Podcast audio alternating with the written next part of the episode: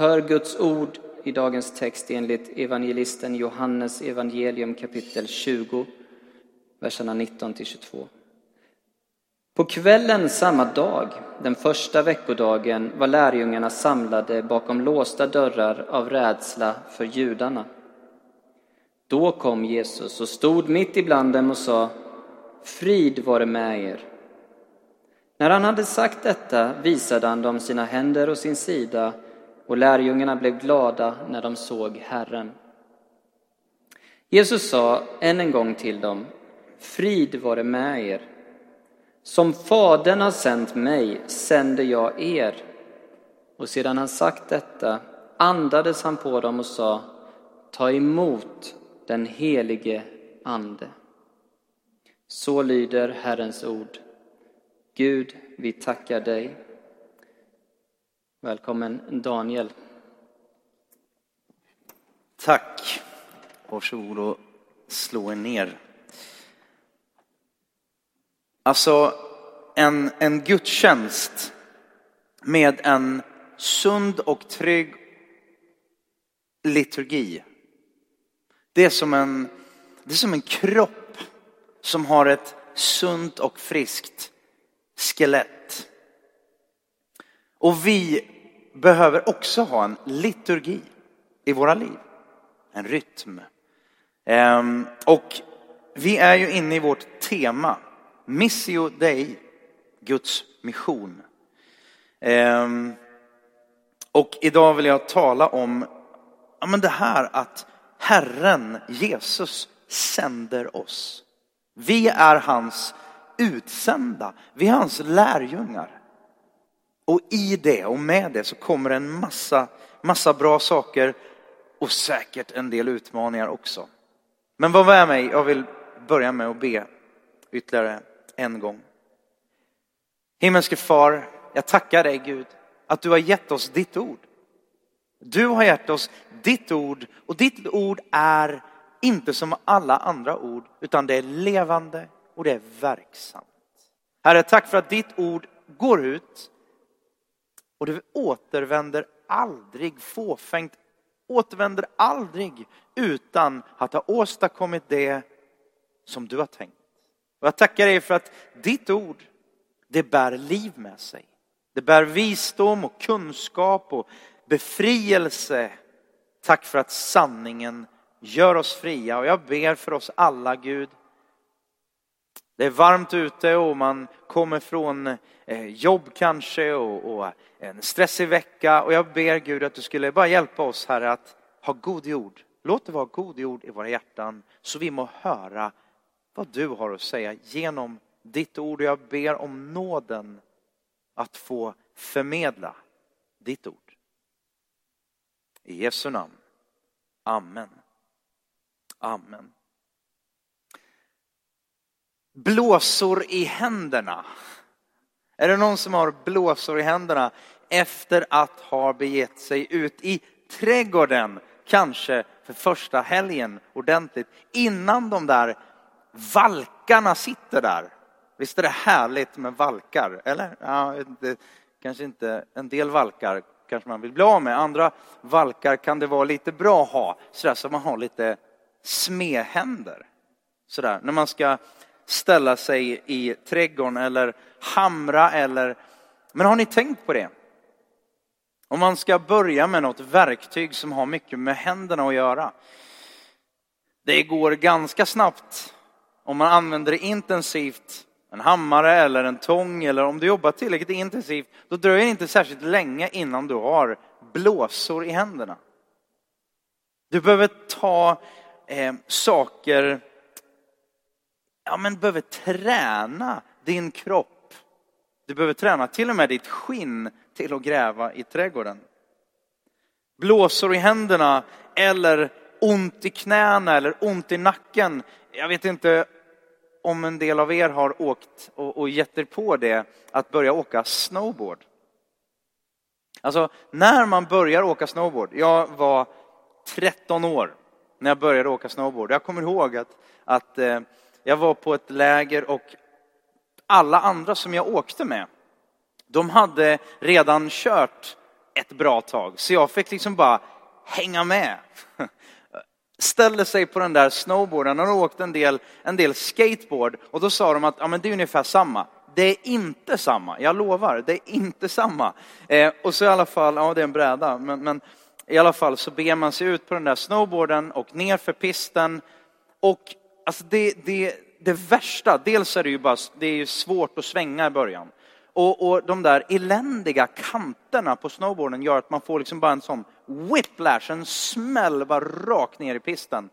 Eh, en del av er ser ut som frågetecken för ni har aldrig åkt snowboard. Strunta i det. Bara, ja. Nej, testa det. Absolut. Men var medveten om, var medveten om att det är förenat med lite smärta kanske. Det gör, gjorde i alla fall för mig, ont. Man hade ont i nackmusklerna, ont i rumpan till och med, ont precis överallt, i handlederna. Alla gånger man, man tog emot sig. Men efter första dagen, och precis i slutet av första dagen, när man var helt, jag kommer ihåg var helt slut. Och man hade liksom, de andra körde ganska mycket bättre än mig i alla fall sådär, men man höll skenet uppe. Går det bra? Bara, ja. Jag vet inte hur du känner, men ibland så är det så. Man försöker hålla skenet uppe. Jag vet inte om det var det där. Man känner sig bara helt slut.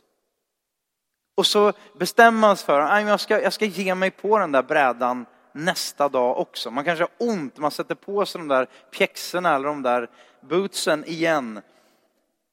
Och plötsligt, plötsligt är det som bara, det bara funkar. Jag kan svänga. Vad var, vad var skillnaden från igår? Liksom? Och helt plötsligt, jag kan svänga. Lite svårt åt andra hållet, men, men åtminstone kunde jag göra en sväng. Och sen förbättrades det och så vidare. Där är vi. Där är vi alla på olika sätt. I vår vandring med Gud. Om vi går tillbaka till texten. Ta emot den helige ande avslutades den här, den här passagen, den här texten. Ta emot den helige ande. Tänk vilka underbara ord från Guds son. Gud själv. Guds ande, Guds andedräkt. Han andades på dem och sa ta emot den helige ande. Det är ju intressant, det här var innan pingsten. Och Gud andas, Jesus andas på sina lärjungar, sina vänner och det finns tydligen, verkar det finnas lite olika sätt att kunna ta emot den heliga ande på. Och jag tänker så här att om man nu är där i livet, att man nu får för sig att Jesus är Guds egen son, att han inte bara var en skön snubbe som levde för 2000 år sedan med någon slags peace, love and understanding eh, attityd och, och, och liksom livsstil på något sätt och sa en del bra saker. Utan att han verkligen är världens frälsare. Att han verkligen är utsänd av Gud. Att han verkligen är livet själv och att han talar. Det han talar om finns tillgängligt för dig och mig. Om det är sant, då är det också rimligt och logiskt att man vill göra allt man kan för att vilja ta del av det livet. Det tror jag att de flesta som har fått det uppenbarat för sig. Klart man vill vara helhjärtad. Whatever that means, vad det än betyder för just dig. Men man vill, man vill ha så mycket som möjligt med den bakgrunden. Jag vet inte hur många gånger du har tänkt att nu, nu ska det ske. Nu kommer förändringen. Varje dag. Och det är nog bra. Jag vet inte du har tänkt, om du har tänkt så med, med träningen kanske, första januari. Det är april kära vänner. Jag vet inte hur många av er som har hållit ut till, ända tills nu, men det var många som gav upp där fjärde, femte januari. De säger på de här gymmen att det brukar hålla i sig till den 20, 25 där någonstans januari. Sen, sen bara dyker det, järnet. Jag hörde faktiskt att, jag ska inte säga vilken, men, men, men en, en, eh, den största gym, eh, ja, gymföretaget, eh, kedjan i Sverige har en, en beläggning på ungefär 10 procent av alla som har gymkort. Det är intressant helt enkelt. Men, men det är så lätt att sätta fart. Det är så lätt att börja och man testar. Kanske inte riktigt har tänkt igenom hur det ska gå till. Jag vet inte hur många som har tänkt att nu ska jag äta nyttigare, jag ska ändra mina sovrutiner, jag ska försöka ändra det här, det här, det här, det här. Och så går man in i liksom, jag prövar, jag testar, jag försöker. Och det kan man väl säga, visst, det kan vara väldigt bra. Som kristen kan du gå in i ett mode där du bara, ja men jag, nu ska jag verkligen, nu ska jag verkligen försöka. Nu ska jag verkligen, jag ska verkligen läsa Bibeln mer, jag ska be mer. Och så blir det lite den här känslan av att man börjar springa ett maratonlopp utan att man har tränat någonting. Och så får man blåser med en gång. Det kan gå ganska fort. Och innan vi kommer tillbaka till den här texten som vi läste så vill jag läsa tillsammans med er några versar från Timoteusbrevets, första Timoteusbrevet, för att vara specifik. Eh, det är Paulus som skriver till sin adept, sin lärjunge, till den unge Timoteus. Och då säger han så här i kapitel 4, vers 7 till 14. Slösa inte tid på att debattera dåraktiga idéer och meningslösa gudasagor som vi talat om tidigare. Använd istället din tid och energi till att hålla dig i god andlig form. Kroppsövningar är bra, men att öva sig att lyda Gud. Säg öva sig i att lyda Gud. Det var ni inte beredda på. Är mycket viktigare och stärker dig i allt vad du gör. Öva dig därför själv andligen. För andlig styrka är en tillgång för både detta livet och i det liv som kommer. Detta är verkligen sant. Och vi kämpar och lider för att människor ska tro detta. Och vårt hopp är den levande guden som är en frälsare för alla människor, framför allt för dem som tror.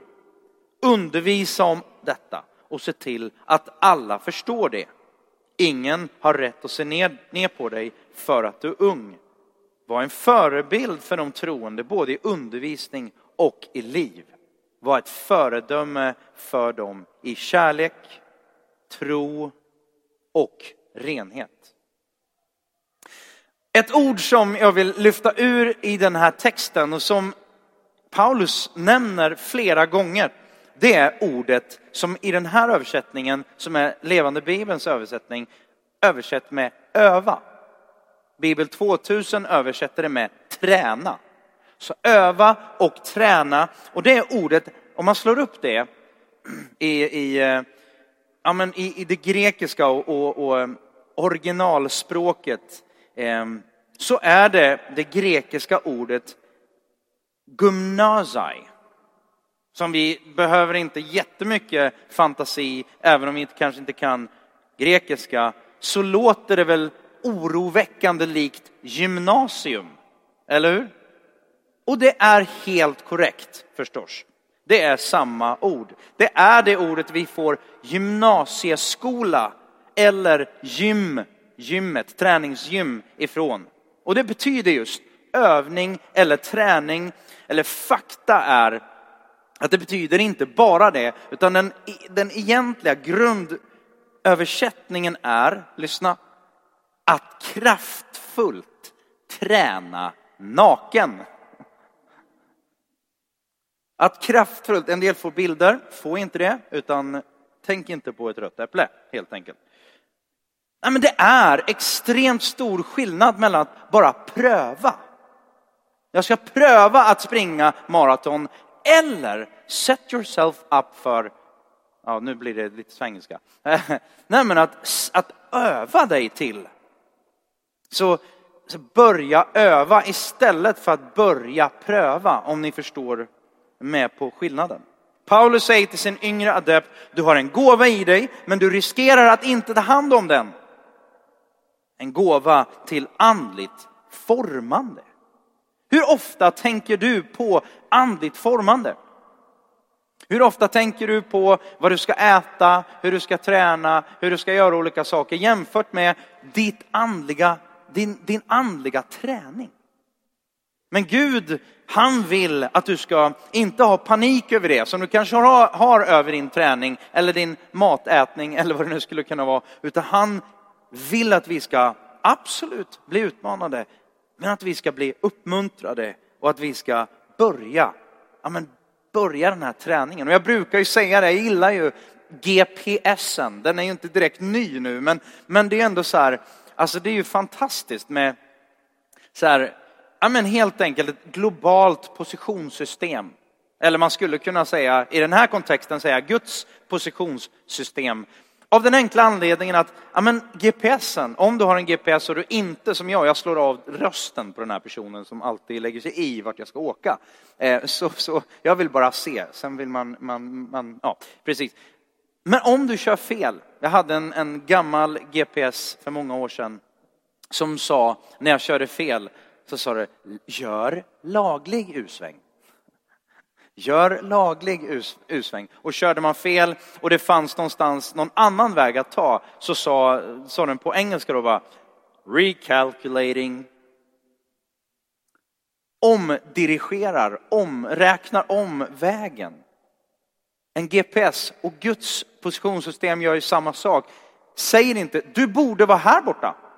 Utan inser, och du behöver också inse bara, jag är här. Jag behöver inte, eller jag kan inte vara där plötsligt, utan jag är här. Jag börjar ju alltid där jag är.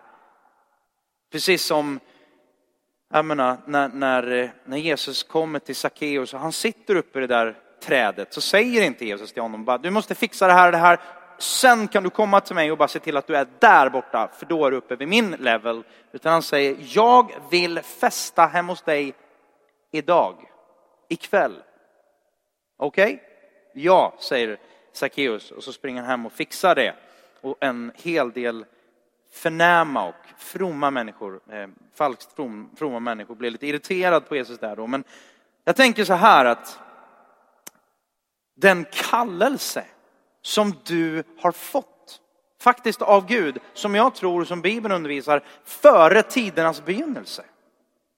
Sug på den. Före tidernas begynnelse så fick du en kallelse över dig.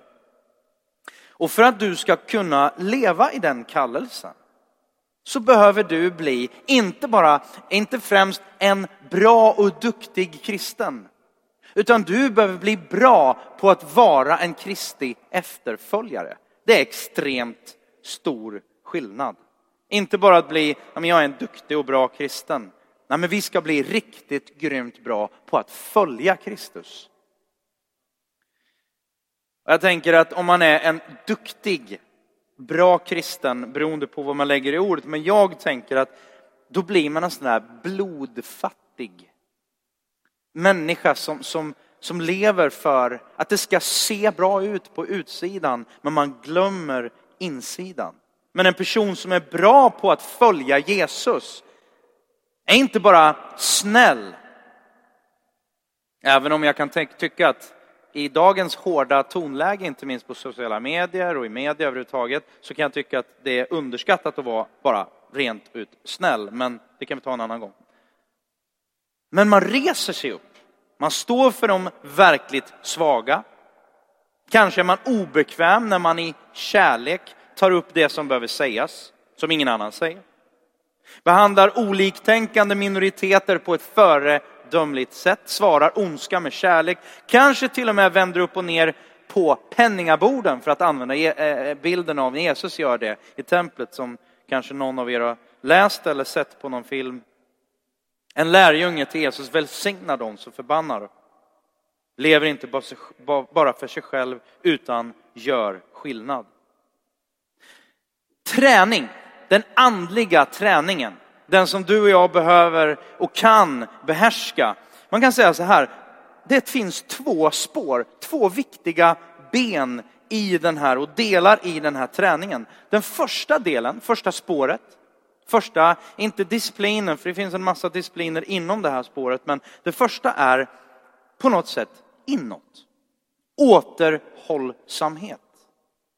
Man kan prata om fasta, avskildhet, tystnad, kyskhet Inte så vanligt 2018 prata om kyskhet. De här övningarna som handlar om återhållsamhet. Övningar som handlar om att stanna upp. Faktiskt sluta göra mycket av det som vi fyller våra liv med. Det är ett sätt att kalibrera sig, få bort det här bruset som stör. Ganska vanligt tycker jag att det är att man uttrycker någon slags, ja men det, det är så mycket, jag är förvirrad, det bara, det bara tar över. Nu är inte det så vanligt längre med FM-radio. Det är mer Spotify och, och så vidare. Och är, finns det mot förmodan en FM-radio så är det förmodligen i bilen och, och då är det så förinställda kanaler eller eh, ja, stationer då som, som radion hittar till direkt. Så det här med radiobrus, det är väl inte så vanligt längre. Men vi har ersatt gammalt hederligt radiobrus med en massa annat brus. Och i den gamla radion, jag vet inte om ni har skruvat på en sån här gammal transistorradio. Och så när man skruvar, liksom, och man, man vet att ja, jag ska lyssna på P1 eller jag ska lyssna på något annat. Och så, så är man några, någon, någon kvarts hertz fel bara. Och det bara sprakar och det är inget trevligt ljud och det första man gör det är att skruva ner så man blir av med oljudet och sen snabbt som ögat så vill man ratta in och ställa in rätt frekvens, eller hur? Varför är det så brusigt? Jo, därför att det är, det är inte alltid så lätt att ha den där frekvensen inställd rätt. Du undrar varför du är förvirrad. Det är bara så fruktansvärt mycket brus. Och en del av den kristne efter, Jesu efterföljares disciplin och vardag på ett sätt behöver nog, behöver nog vara del av, i alla fall den här med, med återhållsamhet. Det behöver finnas där som en naturlig ingrediens för att kalibrera, som du sa Linus i början, kalibrera. Gudstjänsten är en sån. Det andra benet handlar om på ett sätt då motsatsen, att agera agera och praktisera helhjärtat. Bön, lovsång, regelbundet delta i gudstjänsten, syndabekännelse, ta del av nattvarden, läsa Guds ord. Och allt eftersom du växer i de här kommer du också växa i din relation till Gud.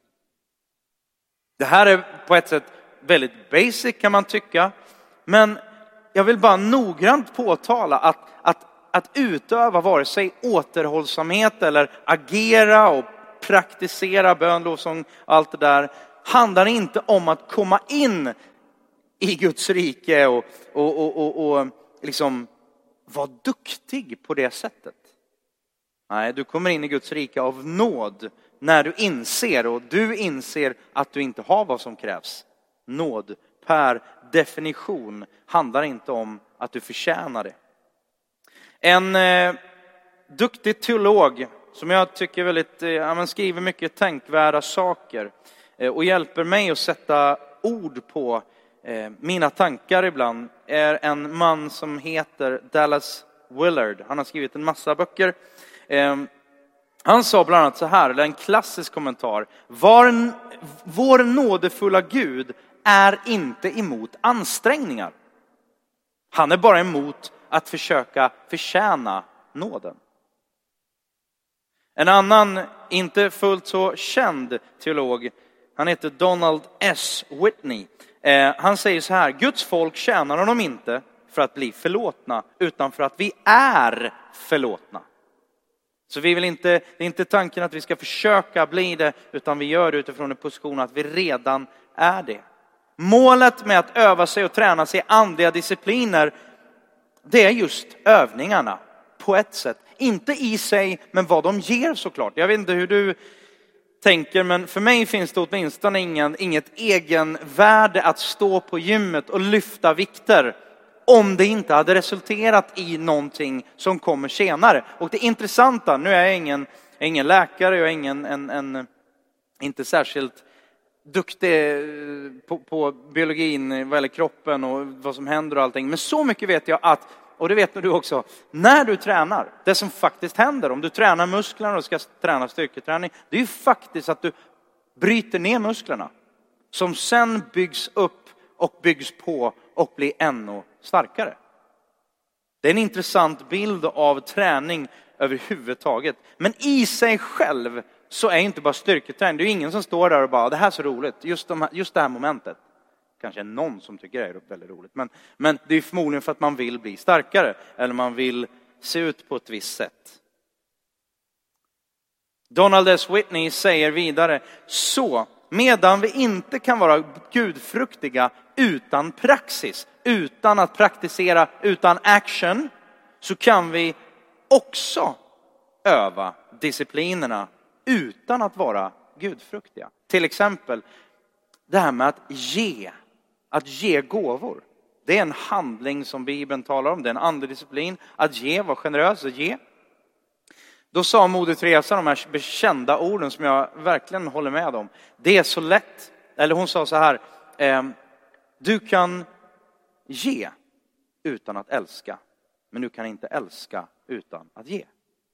Och på samma sätt så det handlar liksom inte om att de här sakerna, eh, det får oss att bli gudfruktiga eller som, som eh, ja, att, att vara liksom Jesu efterföljare. Vi blir liksom duktigare på att följa honom, inte präktigare eller bättre som människor inför honom. Varför är det då så viktigt att följa Jesus? Jag tycker det handlar mycket om, många gånger, bara kom till Jesus, absolut. Men Jesus säger också, följ mig. Följ mig. Varför är det då så viktigt att följa Jesus? Det handlar om en relation till att börja med. Gud vill ha en relation med dig. Inte vilken relation som helst. Jag vill lyfta upp två saker och två sidor även här. Två sidor vi måste hantera i relationen till Gud. Den första är, på något sätt, det är att vi och Gud har gjort oss på ett sätt jämställda faktiskt med honom. Vi jämställs med honom och då måste jag läsa två bibelord som, som beskriver lite mer vad jag, vad jag menar och vad, vad Bibeln undervisar om där. Romarbrevet 8 och 17 att vi är barn. Då är vi åter där Jesus introducerar Gud Fadern som, som även vår far. Inte bara Gud långt borta utan vår far som är nära. Är vi barn är vi också arvingar. Guds arvingar och Kristi, här kommer det, medarvingar. Med andra ord, Kristi syskon kan man säga. Lika visst som vi lider med honom för att också förhärligas med honom. Vi är vänner med Jesus, det säger han själv i Johannes evangelium 15 och 12. Jag, alltså Jesus, kallar er inte längre för tjänare, för tjänare vet, in, vet inte vad hans herre gör. Jag kallar er för vänner, för jag har låtit er veta allt som jag har hört av min far. Det är mäktiga ord. Så det ena är att vi är jämställda. Och jag tror att en del av oss har stora problem med det här. Andra har stora problem med det här, eller så har vi stora problem med båda två. Det andra är, han är Herre. Vi är inte jämställda, utan vi är underordnade hans, hans herravälde. Lukas 6.46 Varför kallar ni mig Herre, Herre, när ni inte gör vad jag säger? Där har vi så tydligt där Jesus ja, men det konfronterar faktiskt människor, personer runt omkring dem, kring honom. Folk som säger du är Herre, Herre, kanske står och sjunger och lyfter händerna och gör allt möjligt. Men de lever inte liv där han är Herre. Du och jag, tror jag, om vi och när, i alla fall så i mitt fall, när jag glömmer bort en av de här två sidorna, eller kanske båda två, då kommer då kommer vårt liv, vårt kristna liv halta mycket. Vi behöver träna oss. Vi behöver träna oss. Och Dallas Willard säger, jag läser ett citat till av Dallas Willard. Världen kan inte längre överlåtas bara till diplomater, politiker och företagsledare. De har utan tvekan gjort det bästa de kunde. Men nu är här en ålder för andliga hjältar. En tid för män och kvinnor att vara heroiska i sin tro och i andlig karaktär och kraft. Den största risken för den kristna kyrkan idag är att sälja sitt budskap för lågt eller för billigt. Jag ska alldeles strax komma tillbaka till texten som vi läste som avslutning. Jag, bara, jag vet inte om ni har sett filmen The Butler med Forrest Whitaker om den här, han är ju bekänt, han är butler i Vita huset. Och det här beger sig tillbaka, han är butler under, jag kommer inte ihåg hur lång tid, om det är 20-30 år, men han, jag tror att han hinner med fyra eller fem presidenter som han är butler för. Och man får, får fånga, eller man får, storyn fånga den här berättelsen som i någon mån i alla fall ska vara byggd på verkliga händelser. Och skildrar eh, det här livet i Vita huset. Där han kommer ifrån och livet i Vita huset och alla utmaningar och livet där ute i samhället där bland annat hans son växer upp och, och, och verkligen får, får känna den här rasfientligheten som finns i USA på den tiden. Inte minst på den tiden. Och plötsligt så, så fångas han upp och man får följa medborgarrättsrörelsens ledare och, som tränar just. Man övar, man tränar eh, unga människor att genom pacifism och icke-våld förändra deras samhälle.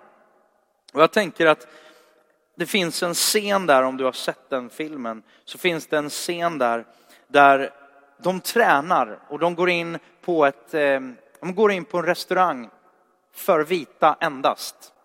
Så går den här gruppen av svarta ungdomar går in på den här restaurangen som bara, men du hör ju hur sjukt det är, vi har svårt att ta in det tror jag, om vi inte har befunnit oss i, i, i, i sådana situationer. Vi har, mm, jag tror inte att det, det, jag tror inte att vi kan förstå det. Men de går in i den här restaurangen och eh, är ett gäng, jag vet inte hur många de är, men och så börjar de, de sätter sig ut med den här baren och så beställer de mat. Och det dröjer inte länge förrän hot, hotelser kommer och, och människor börjar komma runt omkring dem och de spottar på dem, de vräker ner dem på, från stolarna och börjar sparka på dem. En tjej får hett kaffe kastat i ansiktet och det är en, det är en fruktansvärd scen.